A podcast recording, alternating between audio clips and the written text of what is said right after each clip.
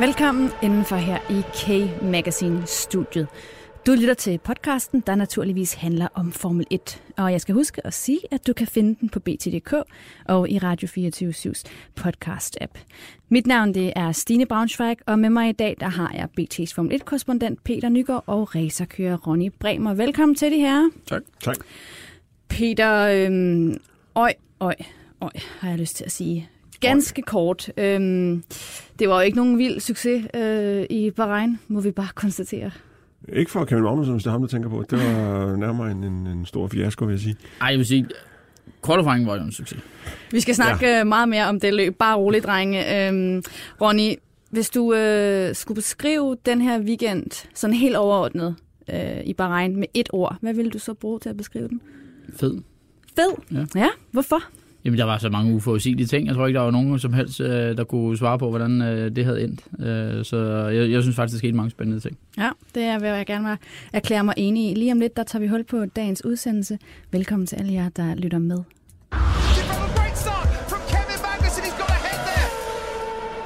Det var jo ikke rigtig Kevin Magnusens dag søndag i Bahrain. Det er der vist ikke rigtig nogen vej udenom. Og øh, for at gøre ondt værre, så var det helt overordnet faktisk heller ikke rigtig Harses dag. Kevin Magnussen, han sluttede altså som nummer 13, og Roman Grosjean, ja, han udgik altså for andet løb i træk. Peter, hvis du lige skal lægge ud med øh, at sætte nogle ord på, hvad tænker du om det resultat, Haas får øh, med tanke på, hvordan øh, kvalifikationen, som Ronny indledningsvis også nævner, egentlig var?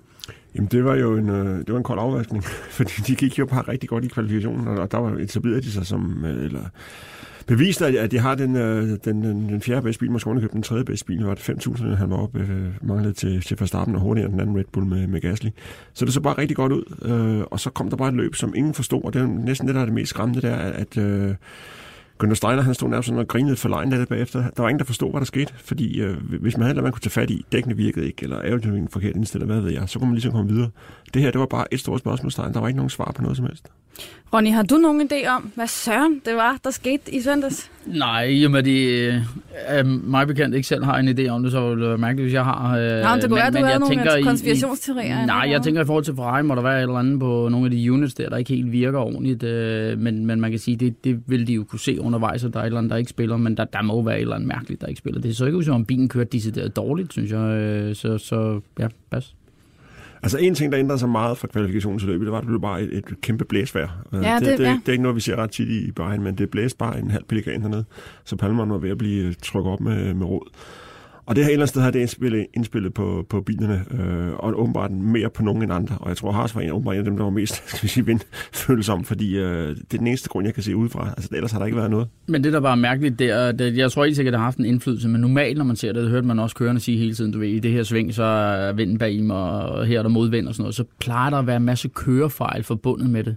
Øh, det synes jeg faktisk ikke, han havde, Kevin, en masse kørefejl. Så, så, så øh, jeg, jeg tror ikke, vinden er skyld i det på den måde i forhold til aerodynamisk og sådan noget. Det kan sagtens være, at det har indflydelse på noget andet.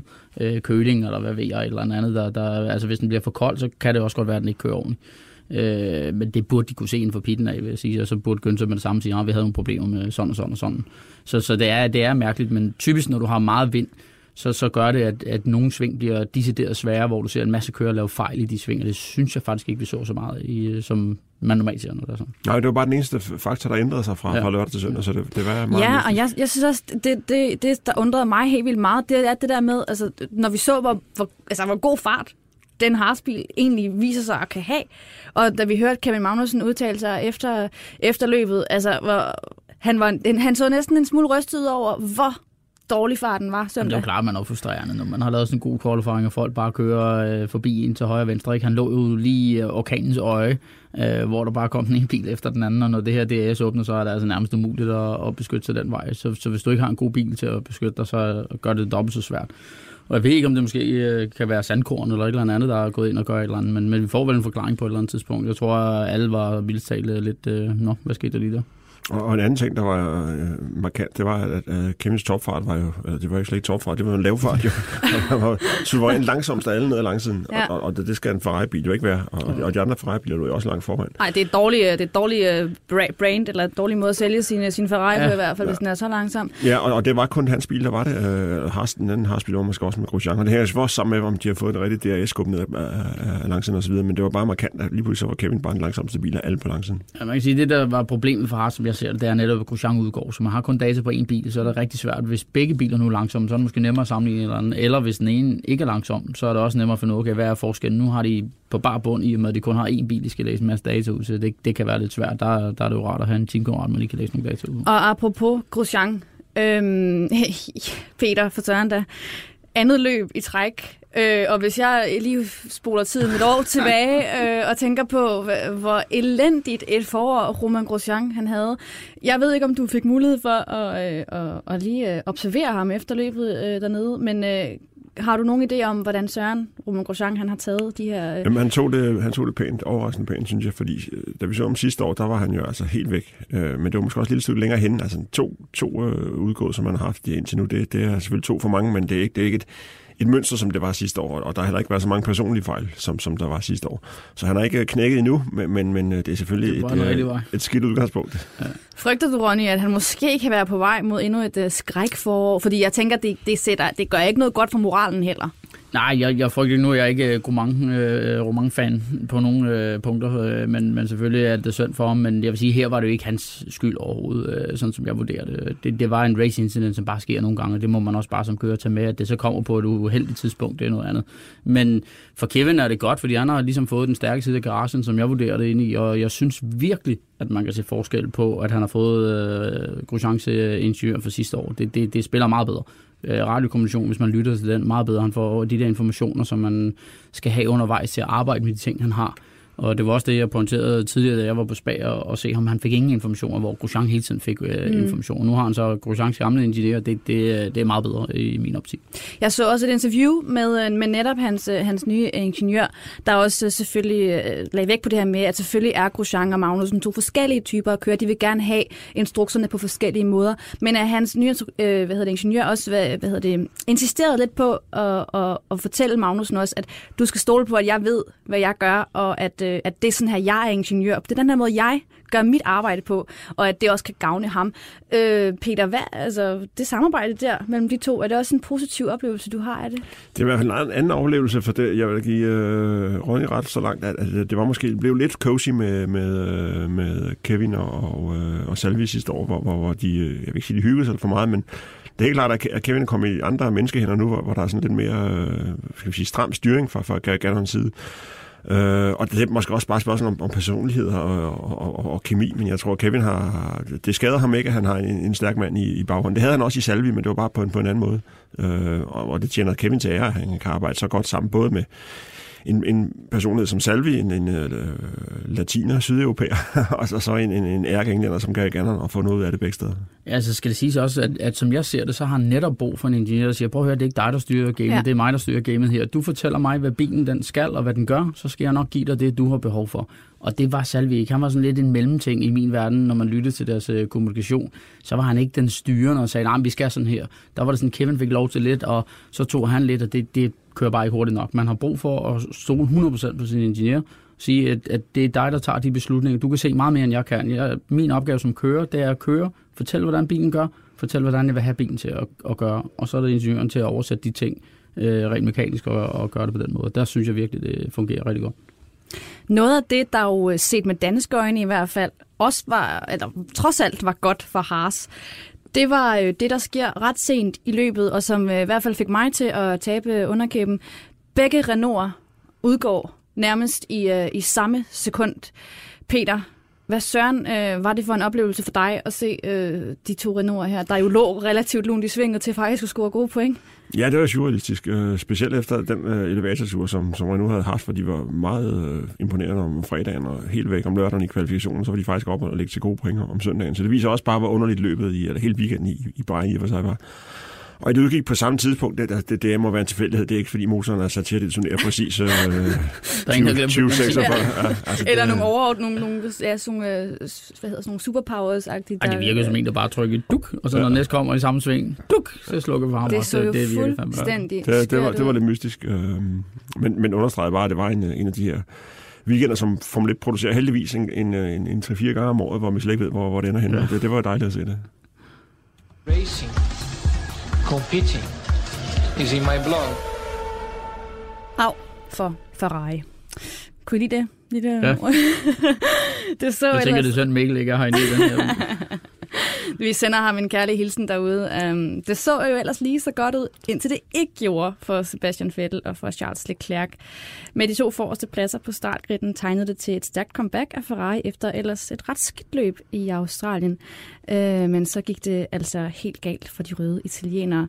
Ronny, først og fremmest, um, sidder du tilbage med sådan en skuffet fornemmelse over Ferrari efter i søndags? Ej, slet ikke. Altså, det, det, det er jo... Øhm, jeg vil sige, at det, jeg havde fået at vide inden, så, så gik der rygter om, at øh, i øh, Australien, at de godt kunne mere, men ikke kunne skrue helt op for det. Og så tror jeg, øh, hvis det er sandt, så i min optik, så er det sådan en typisk Ferrari-ting. Nu skal vi performe, der er sat en ny mand ved roret, nu skal det fandme ske, vi skruer op for lortet. Det virker, det kører, og så kører det lige pludselig ikke, hvor Mercedes måske også kan skrue mere op, men bare er på det punkt, det ved, vi skal ikke længere, fordi så kan det ikke holde. Det er bare min teori, det er ikke sikkert, det er sådan. Jeg synes, øh, Leclerc gjorde det ufatteligt godt. Og så synes jeg virkelig, det er understreget, at Fettel han skal til at stramme ballerne, fordi et, så Leclerc giver gas i sig selv, men den der snoretur, hvor Hamilton overhælder udenom og sådan noget, det er en, man ikke må have på serveret som fire dobbelt verdensmester på sådan et punkt. Der må man sgu ikke knække øh, på det tidspunkt, når du har en ung øh, knøs i den anden side af garagen, som er foran dig samtidig. Peter, med tanke på, øh, på, på særligt kvalifikationen, Ferraris kvalifikation, og det vi så, altså det, synes du, det var det reelle billede, vi så i kvalifikationen, frem for det, vi så så øh, søndag fra, fra de to kører? Fordi der må vi da om noget sige, at øh, Leclerc i særdeleshed trådte i karakter og viste, hvad han har gjort af. Jamen, øh, for først at tage Ferrari i forhold til Mercedes, så, så, så tror jeg, at, at vi så det, det, det, et mere sandt styrkeforhold i Bahrain. Øh, måske fordi vi ikke skruede helt op for tingene i Melbourne, men også fordi, at, at øh, Bahrain-banen er en langt mere almindelig racerbane end Albert Park. Albert Park er bare så atypisk, så det, der skete derude, det, det er selvfølgelig kedeligt, men det kan du kaste over skulderen, for det er ikke nogen erfaringer, du kan bruge resten af året, før du kommer til, til Albert Park næste år i, i marts. Så, så jeg tror, at, at Mercedes og Ferrari er langt tættere, end, end vi troede, og måske med Ferrari en lille smule foran. Det var også det billede, vi så ved vintertesterne, så, så det tegner i hvert fald rigtig godt spændingsmæssigt. Og internt i, øh, i Ferrari-teamet, så har Ronny jo bare fuldstændig ret. Øh, Vettel, han er virkelig under pres nu. Øh, vi har altid vidst, at Leclerc var god, men jeg, jeg, ikke, jeg var også kommet smadret hurtigt. Og der var også ikke engang pole position, fordi der, der, der var en lille fejl fra Vettel, og så leverede Leclerc bare, men den måde han gjorde det i løbet, og den måde han gik forbi Vettel på, det var bare vildt imponerende. Men jeg synes også, det er sjovt at se i qualifying, at Fettel lige pludselig skulle have sædet ud og sådan noget. Det er et svaghedstegn i min verden, for jeg tror ikke, der var en skid galt med den racer der. Jeg tror at godt, han kunne se, at uh, Leclerc han var på vej til at måske godt kunne tage den her pole her, så nu skal jeg lige uh, kreere et eller andet, der gør, at jeg har en undskyldning for, at det ikke helt lige gik så godt, fordi folk tænker, at han er ikke i bilen nu, de andre kørte ud og sådan noget andet der. Uh, men, men Leclerc gjorde bare fuldt ud, hvad han skulle, og jeg synes virkelig, det var moden kørt i starten, han lod dem køre. Okay, jeg, jeg skal ikke lave nogen fejl, jeg tager, jeg må bare ryge lidt ned, røg ned som tre, og var lige ved at ryge ned som fire og så kommer han bare stille og roligt igen. Dog vil jeg også sige, at forskellen på de to kører er måske ikke så stor, som vi gør det i forhold til racet, fordi hvis du bare er en lille smule hurtigere, så er det klart over distancen, så bliver det bedre og bedre. Så har du bare en lille smule bedre bil end den anden, jamen så, så passer det. Plus at det, man typisk ser, det er afhængig af, hvordan din strategi er, hvor du ligger henne, så får du et nemt løb eller et svært løb. Og hvis du ligger, hvor du skal presse ekstra, fordi der er en anden en, der er lige hænende på dig, så kan det være nok til, at du lige får temperaturen lidt for højt op på dækket. Det hørte vi også Kevin på et tidspunkt skulle øh, få temperaturen til at falde lidt igen. Det skulle Leclerc ikke. Han kunne ligesom køre sit eget, da, da han først kom ind i sin rytme, så kunne han køre sit eget. Så måske passede bilen bare en lille smule bedre til ham, og så ser det så meget bedre ud den sidste ende. Men øh, ja, stort kado til ham. Han gjorde det 600 år. Ja, og også, altså, jeg, jeg har jo en anden øh, absurd teori om, at øh, Sebastian Vettels øh, overskæg øh, øh, bærer meget skylden for, at, øh, at, øh, at det går, som det gør. Men, øh, men hvis vi nu også skal kigge lidt, lidt alvorligt på det, Peter. Øh, jeg oplevede en Sebastian Vettel, der øh, efter han blev overhalet af Lewis Hamilton, og kom ud på den her snoretur. Øh, det synes jeg ligesom var kulminationen på, øh, på en kører, hvor jeg tænkte, han er da begyndt at lave alt for mange fejl, og det er da ikke særlig kendetegnende for ham. Altså, hvad er det, hvad er det der foregår med Vettel i øjeblikket? Ja, det er skægt, du siger det. Ja. Undskyld. Okay, Ja, okay. skarpt. Så er vi dernede igen. Kudos der. Ja. Nej, øh, jamen, det er rigtigt, det, er ikke, øh, det var ikke normalt for Fælder at lave fejl, at køre Red Bull, da han havde en bil, der bare stod, stod godt fast og passede til hans kørestil. Men sidste år så vi også mange fejl fra hans side af. Det, det der måske er forskellen, det er, at sidste år, der var der en mulig andre skyld. I år, der var han trods alt en mand nok til at sige, okay, jeg lavede en fejl, det var mig, der snurrede rundt her. Ej, det må også være at, at give andre skyld. Det var svært, Det var svært, svært svært at snakke sig fra, ja. Men han, der var, han snakkede sig, eller prøvede at snakke sig for nogen øh, i, i samme genre sidste år. Øh, og det er måske et eller andet sted en, en, en, en, øh, en tegn på en, på en større modenhed, men det er måske også, og det, det er så være værre, det er også tegn på en eller anden form for resignation måske, at, at øh, nu, nu kan jeg jo indrømme fejlene, fordi øh, nu er jeg altså op mod Leclerc. Før var han op mod Kim Räikkönen, og Kim var god, øh, og var god for 10 år siden, men, men han var ikke øh, den allerskarpeste længere. Øh, nu er han op mod en, der, der er bare fremadgående. Og måske er, er Leclerc også bare mere sulten end Kimi Räikkönen. er Helt sikkert, ja. Øh, Kimi er mere tør. det kører bare for mig i dag. Nej, men, men øh, det, det er en helt ny situation for Fælde, han skal vende sig til og, og være under pres. Øh, jeg tror stadigvæk på, at Fælde vil, vil, vil slutte foran Leclerc i, i den samlede VM-stilling, for han har altså en erfaringsbank at, at, at, at trække på og, og, og vand til det pres, som er en del af at være Ferrari-kører øh, på, på, på den lange bane. Men, men det er helt klart, at i løbet af to eller øh, måske bare et år, så, så, så øh, er, er fælden måske ikke først kørt længere. Ja, jeg, jeg tror, det bliver lige om. Jeg tror faktisk, at Leclerc han slutter foran, og det gør den simple årsag, at hvis du kigger på Vettel, hver gang han har haft de her problemer, også tilbage med Weber og sådan noget andet der, har det altid været med en kører, der har været samme aldersgruppe som ham selv eller ældre. Nu er han om en ung en, som bare er ligeglad, men som har hovedet med sig indtil videre i hvert fald, og laver nogle overvejende gode ting, og ikke bare øh, som Verstappen tager en eller anden fuldstændig øh, håbløs chance en gang imellem. Det kan være, det kommer, det ved vi jo ikke endnu. Så, så han er under et andet pres, plus Ferrari sig selv er under pres, fordi at, at de vil vinde VM, og det, det, er- tiden er begyndt at løbe ud. Så tror man, der går ikke lang tid, hvis han bliver ved sådan her. Så, så skifter det garagen, og så bliver han fuldstændig mindfucked, mm. øh, for at sige det lige ud. Og så tror jeg, at det der skæg, det skal helt væk, øh, eller kronraus eller et eller andet, for at det går op for ham, hvor sle- hvor slemt det står til. Så han kører lidt for meget på, på hviler på laverbærene, forstået på den måde, at han har været vant til, når bilen virker, så er det også mig, der har været fokuseret på i garagen, så kan jeg lidt ekstra, og så har lige været en gang, man kan. For de fejl, han laver, det er nogle fejl, han ikke burde lave på det her. Jeg skal så sige, som racerkører, ikke, det ser rigtig nemt ud på fjernsynet. Nå, du snor lige rundt. Det er altså en tiendel af et sekund. Mm. Han lige skulle have ventet med at gå på gassen, så var han ikke råd rundt. Og når den først når et vist punkt, så kan du bare ikke nå at redde den. Så det ser også værre ud, end det er, men det må bare ikke ske på det niveau. Men hvis nu vi lige leger med tanken, ikke Peter, og, og nu siger, at, at det her skifte i garagen potentielt kommer, og, og Ferrari øh, satser på Leclerc over øh, Vettel. Kan Sebastian Vettel efter øh, 2019 så leve med det som Ferrari-kører, eller vil det så være, være et, øh, ja, et tegn på, at okay, nu, er, nu har han kørt det Formel 1, han skulle? Det er svært at sige, hvad man reagerer på det, fordi for eksempel Kim Räikkönen, som vi snakker om før, han reagerede på den måde. Han, han fandt sig faktisk, en, en, efter at blev verdensmester i, en, i, 10 år som anden kører. Så, så man, du kan godt leve med det, kan på, hvor, hvor vildt du er med at køre Formel 1, og hvor, hvor meget du hellere vil, vil, vil gøre det, end at være hjemme hos børnene.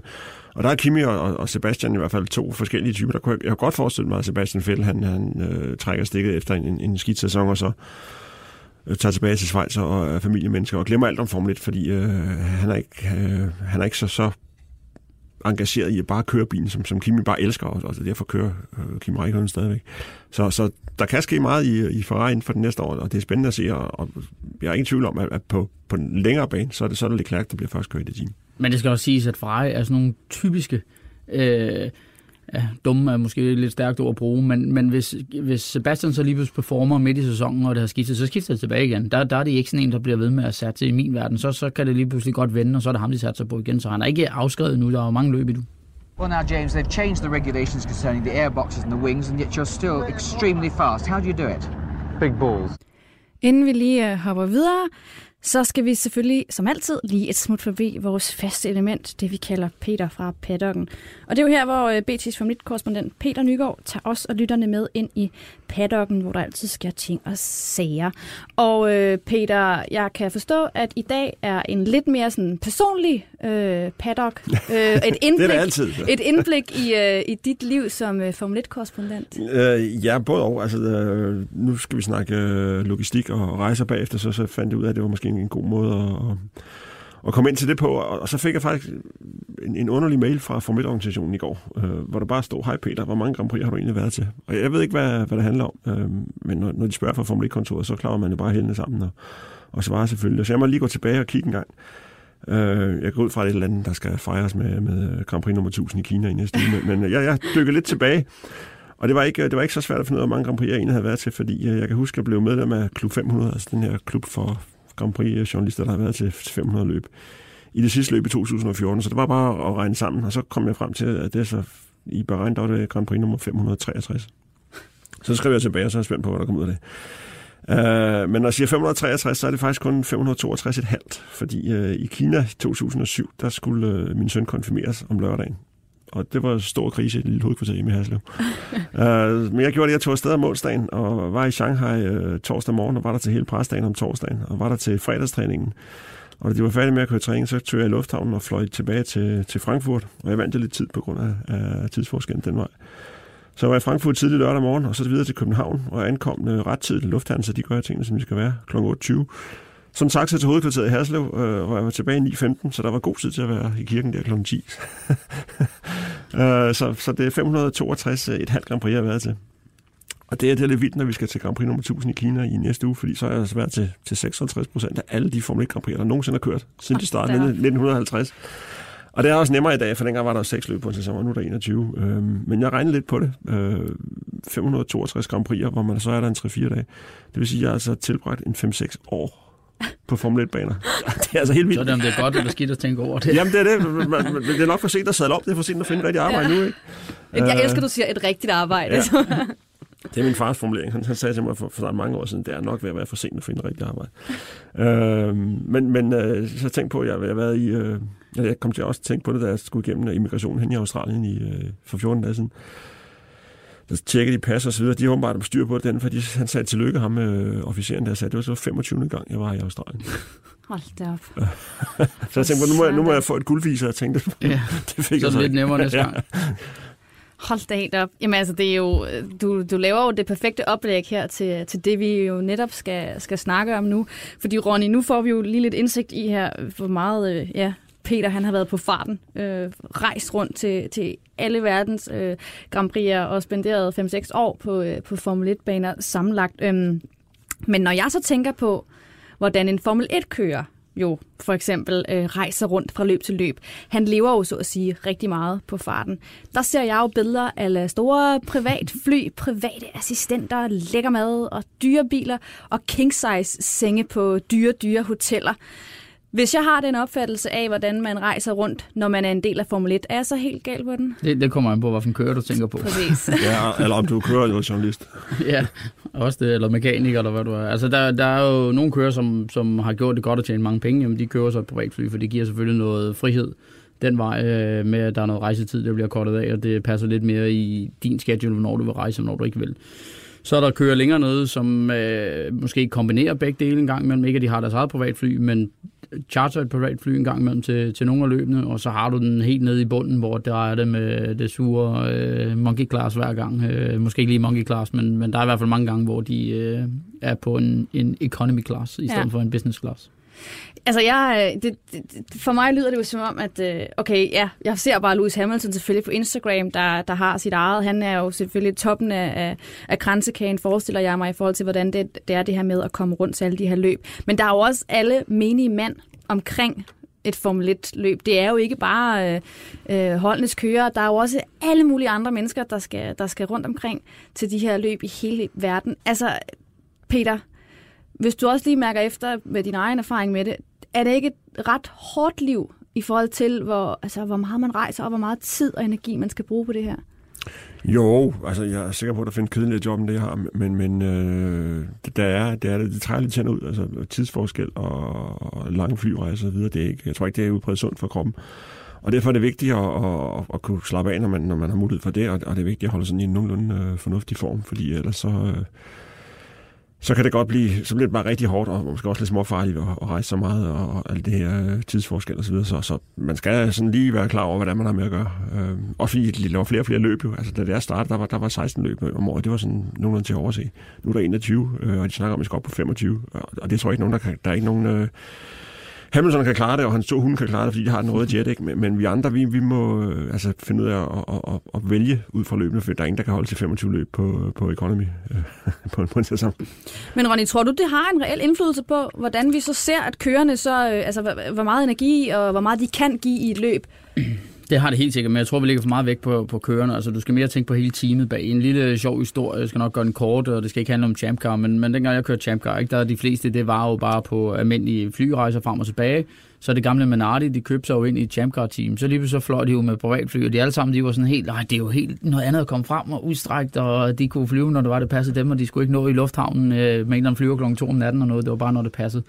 Og sådan er det også for de der mekanikere der. Altså, de, som Peter siger, hvis det bliver 25 løb, det kan godt være, det hårdt for kører og alt muligt andet, men jeg kan love dig, mekanikere og logistik i forvejen er så stram, at det er svært at få til at hænge sammen.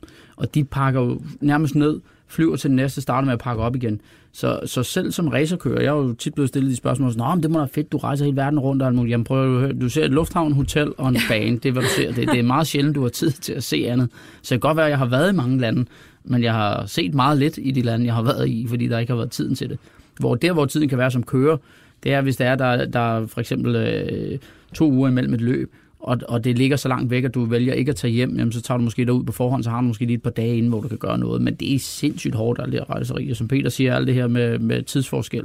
Vi er individuelle mennesker. Det, det handler om, hvordan ens krop kan tilpasse sig forskellige. Plus, at som mekanikere er endnu værre, fordi de måske vågne om natten og noget samtidig, så de ødelægger endnu mere deres mønster hele tiden fordi at der måske sker med bilen, og gør, at de skal arbejde eller hjem på fabrikken og lave noget nyt eller frem og tilbage. Så det er sindssygt hårdt, og de får alt for lidt credit for alt det, de gør i, i min optik i forhold til det altid at kørende, vi fokuserer på. Og selvfølgelig er det også hårdt at være kører, men det er sgu nok lidt hårdere at være bag.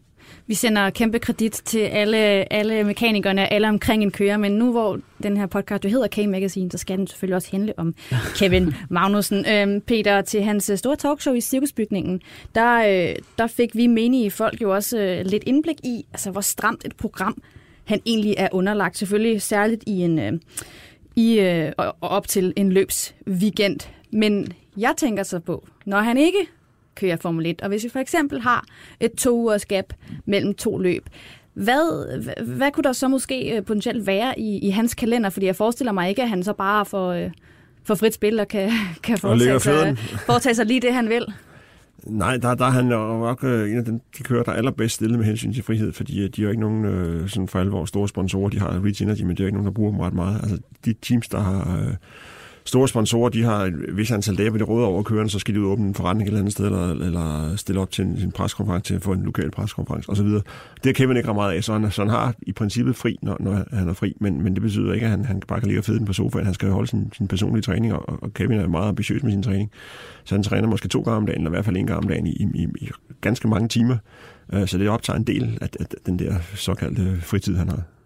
Er det også øh, sådan, du øh, tilrettelægger dit øh, jeg træner, hverdag? Jeg træner ikke lige så meget, som Kevin gør nu i hvert fald. øh, nej, altså vi, Formel 1 er jo lidt strengere. Når, når du er oppe i topklassen, så er der lidt mere at se til, der er længere nede. Og det er også der, hvor man skal forstå, at det kan godt være, at der er sådan en personal assistant, der render rundt, men, men det er simpelthen også mere for, at du kan bruge din energi rigtigt, i stedet for at du skal bruge din energi på, for Åh, var det klokken to, eller var det klokken et, jeg skulle derhen, og alt muligt andet. Så det, det kan godt ud fra at virke sådan lidt primadonna men det, det virker altså bare bedre, at der er en, der siger til, nu skal du derhen, nu skal du derhen, nu skal du derhen, så du kan fokusere kort på det, og så på dit race bagefter.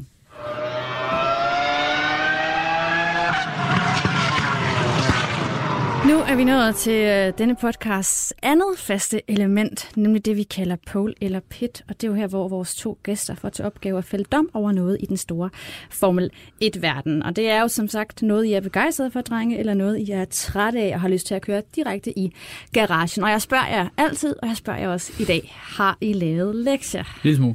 Selvfølgelig. Ja, Ronny, har du lyst til at starte med din pit måske? Min pit, øh, jamen det synes jeg faktisk er øh, safety car situationen. Jeg synes efterhånden, at det er blevet så sikkert alting, at vi fandme skal være 100% sikre på, at alt er væk og alt muligt andet. Og øh, et godt eksempel var i weekenden. Nu var det måske, fordi Ricciardo ikke kunne finde ud af at sætte sit ret på, at, at det tog lidt ekstra tid.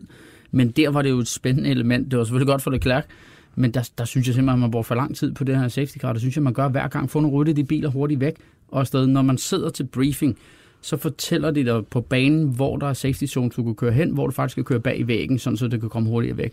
Men kørerne er nogle gange lidt arrogant og tænker, nej, nah, det er lige meget, jeg parkerer bare lige her og sådan noget andet der. Hvis de var noget bedre til at finde de der, da jeg kørte Champ Car igen, vi fik nærmest skæld ud, hvis vi ikke kørte hen til sådan nogle. Der hang de sådan nogle øh, cones op på hegnet, så man kunne tydeligt se, her kan jeg køre ind. Netop for, at det tager længere eller kortere tid at få ryddet op og få det væk. Der synes jeg, det ødelagde spændingen til sidst. Det var, det var godt for Leclerc, men, men der kunne have været noget spænding ved lige at få samlet feltet to omgange grøn flag. Der, det synes jeg var lidt latterligt. Jeg tror, øh, en af grundene til, at jeg kunne få rettet på, at de ikke tog røg af bilen, det var, at der, der var stadig, indikeret stadigvæk var fuld ladet, så de kunne få et ordentligt stød. Så Ja. det, var, det var en del Men, af forklaringen. men selv Nikos bil, hvor de Ja. fandme også langt til Ja. ja. for væk, og den lyste dog grønt. Der kunne de bare ikke finde ud af, at de skulle lige have handsker på og være sikre og alt muligt andet. Det, det sikkerheden skal selvfølgelig også være der, men der, der skal de måske lige være lidt skarpere, når det er så intenst og så tæt på, at man lige kunne have fået en god spænding til sidst. Peter, hvad har du taget med til pit? Jamen, der er taget Haas-teamet, og det, det piner mig lidt, for jeg holder så meget af Gunnar Steiner Ja. og Kevin Magnussen for den sags skyld også, men de fik bare ikke det ud af det, de skulle. Og det er så en ting, at der, alle racerteams og racerkører rammer en dårlig dag, øh, som måske ikke rigtig kan forklare. Men jeg synes bare, at de tog lidt for let på det. Gunnar Steiner han stod sådan og sagde, kunne nærmest grine af det, og, og der var måske ikke så meget at gøre lige i situationen. Men det, jeg synes, for de fejler, det er, at de nu tester de to dage i, i Bahrain i, øh, i, øh, i går og i dag og i går, og så delvis i, øh, Det har i regnet. regnvejr, så det, det, det kostede tid, hvor de skulle finde de her problemer. Og så har de en dag i dag, hvor de lader, lader Pietro Fittipaldi køre, og han er sikkert en god racerkører en dygtig mand, og har sikkert også betalt nogle penge for, for det her, men der burde Kevin sidde i bilen. Det er ham, der har prøvet at køre et helt løb, øh, hvor, hvor det ikke virkede.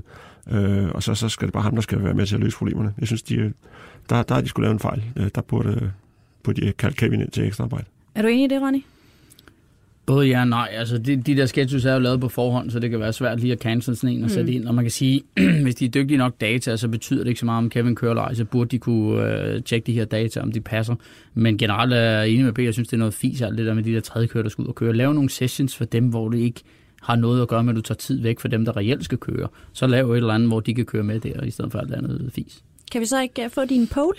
Min pole er faktisk den der Formel 1-app, selvom jeg har rakket uh, ned de andre gange.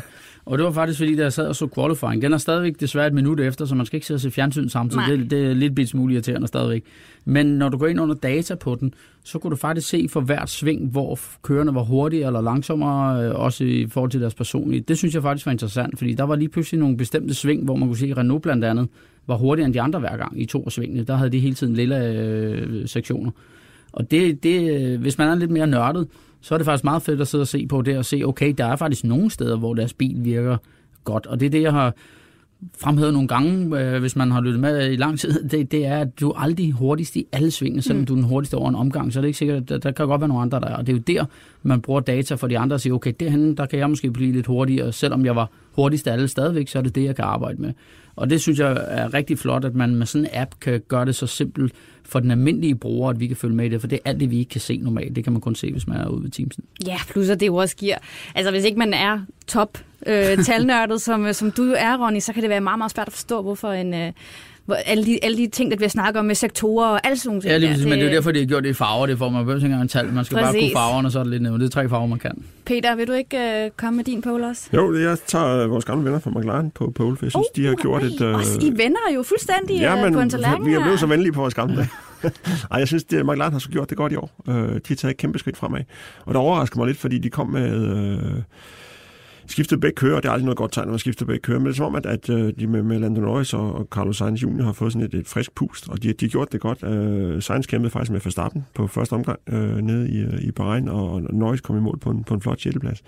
De er, de er ved at være der igen, og, og det kan man kun glæde sig over for, for deres vedkommende. Det kan så være lidt ærgerligt for Haas, for nu er der bare endnu en bejler til, ligner endnu en bejler til Best of the Rest øh, mesterskabet. Ja, jeg kunne heller ikke lade være med på Facebook og så skrive, at øh, det er nok ikke så fedt at være Alonso lige nu. Og jeg synes faktisk, det er et godt eksempel, at han stod derude og kiggede lidt skævt. Ikke? Fordi jeg er ret sikker på, som vi også snakkede om tidligere, at han har stor indflydelse på, at det er gået dårligt, fordi han ikke rigtig kan se ud over egen næse og gøre det der, han er den bedste. Og jeg tror, det er derfor, de er vokset så meget og kommet fremad. Det er bare super fedt at se.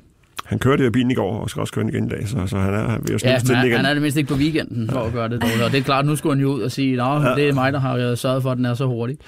Og dermed, drenge, så er vi altså også ved vejs ende i denne udgave af K-Magazine. Husk, at du kan finde vores podcast på BT.dk og i Radio 24-7's podcast-app. Det her, du også finder vores andre spændende podcasts, både Transfervinduet og Bettingklubben. Peter Nygaard, Ronny Bremer, tak fordi I var med. Så tak. Vi høres